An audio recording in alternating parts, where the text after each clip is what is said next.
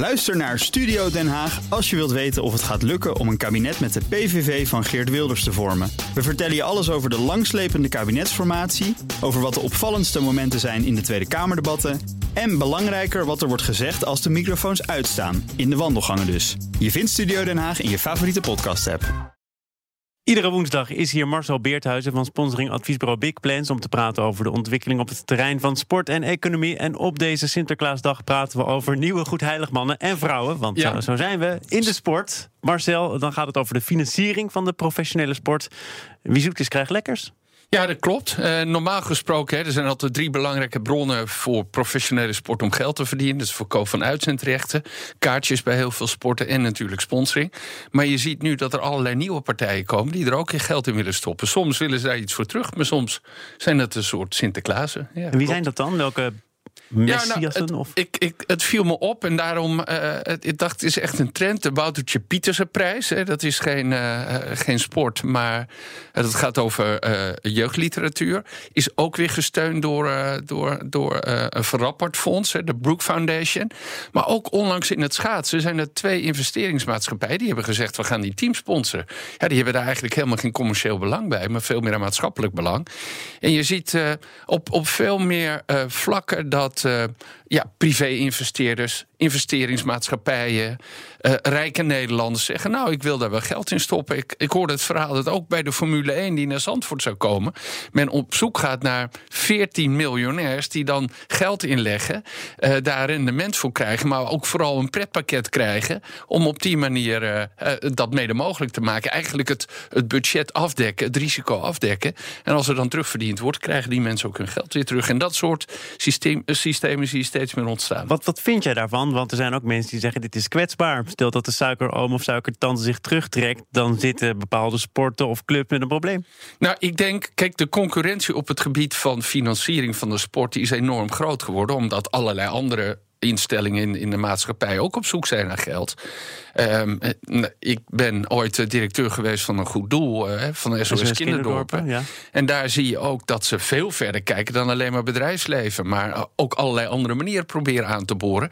En ehm, de sport is dat nu aan het overnemen. Hè. Je hebt Theo Schuit, hoogleraar filantropie aan de Vrije Universiteit, die zegt: ja, er zijn bijvoorbeeld de babyboomers die zitten op een berg van miljarden, die allemaal ter beschikking aan goede doelen in Nederland kunnen komen. Dus bij goede doelen zie je dan dat ze bijvoorbeeld iemand in, in, in dienst hebben die met legaten bezig is. En daar bij SOS Kinderdorpen hadden we 20% gewoon uit legaten. Ja. En nu zie je dat de sport ook die stap aan het maken is. Dus dat vind ik niet risicovol, maar dat is wel gewoon een manier om dat geld wat er in de markt is op een andere manier aan te boren. En als mensen hun, ja, hun erfenis aan een goed doel willen geven, waarom kunnen ze dat dan niet aan het goede doel van hun sportvereniging geven? Ja, en dan, bijvoorbeeld? dan maak ik even de koppeling met bijvoorbeeld gezondheid. Hè, wat, Ja. wat natuurlijk een maatschappelijk thema is. En dan past sport daar supergoed bij. Dan zie ik nog niet gelijk de Formule 1 race in dat kader. Maar bijvoorbeeld wel gewoon sporten als voetballen, tennissen. en Zeker. sporten om de hoek voor iedereen mogelijk maken. Ja, je ziet allerlei nieuwe financieringsvormen ontstaan. Social impact bonds. Hè, dat iemand zeg maar, dat zou ook een voetbalclub kunnen zijn. Die zeggen, nou, wij gaan bijvoorbeeld proberen eh, om obesitas in een bepaalde streek eh, eh, omlaag te brengen. Eh, als we daar dan een rendement halen, dan is er misschien wel een zorgverzekeraar die zegt: Oh, dan wil ik eigenlijk wel het rendement wat ik dan heb, want ik moet hier minder betalen. Wil ik daar wel een deel van teruggeven aan jou? Zo.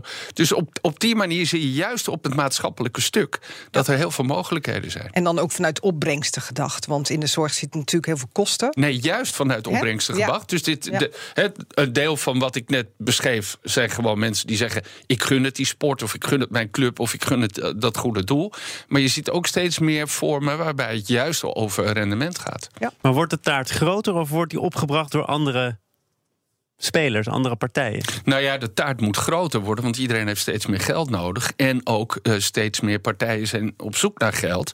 Ehm, nou ja, de loterij, eh, loterijenmarkt staat, gaat straks open. Dat betekent ook weer van alles van de sport. Dus die hele taart wordt wel groter.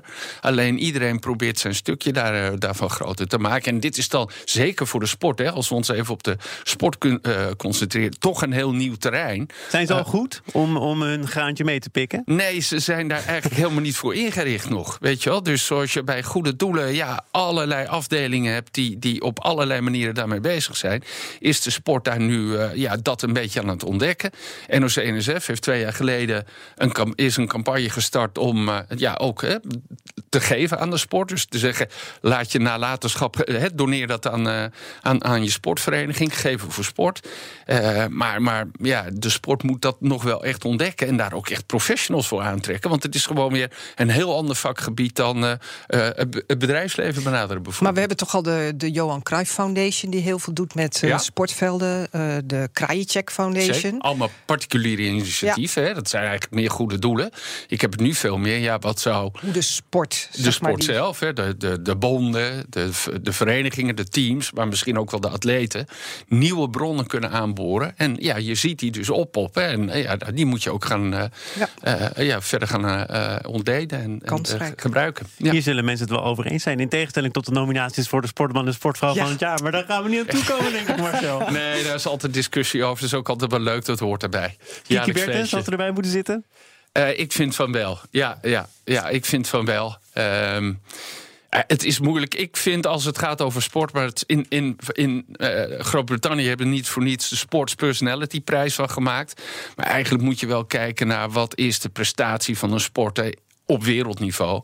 En dat is wat mij, mij betreft de belangrijkste uh, graadmeter. En nu wordt het vooral een populariteitsprijs. En we er tot toch even ingefietst. Ja, Dankjewel, Marcel Beerthuizen. Stevige opvattingen van sponsoring adviesbureau Big Plans. Ook Liesbeth Staats vind je in de BNR-app. Ja, heel handig. Luister live naar Kees en mij tijdens de Daily Move. Dan blijf je ook gelijk op de hoogte van breaking news en het laatste zakelijke nieuws. En daar vind je ook alle BNR-podcasts, waaronder de Perestrooikast. Download nu de gratis BNR-app en blijf scherp.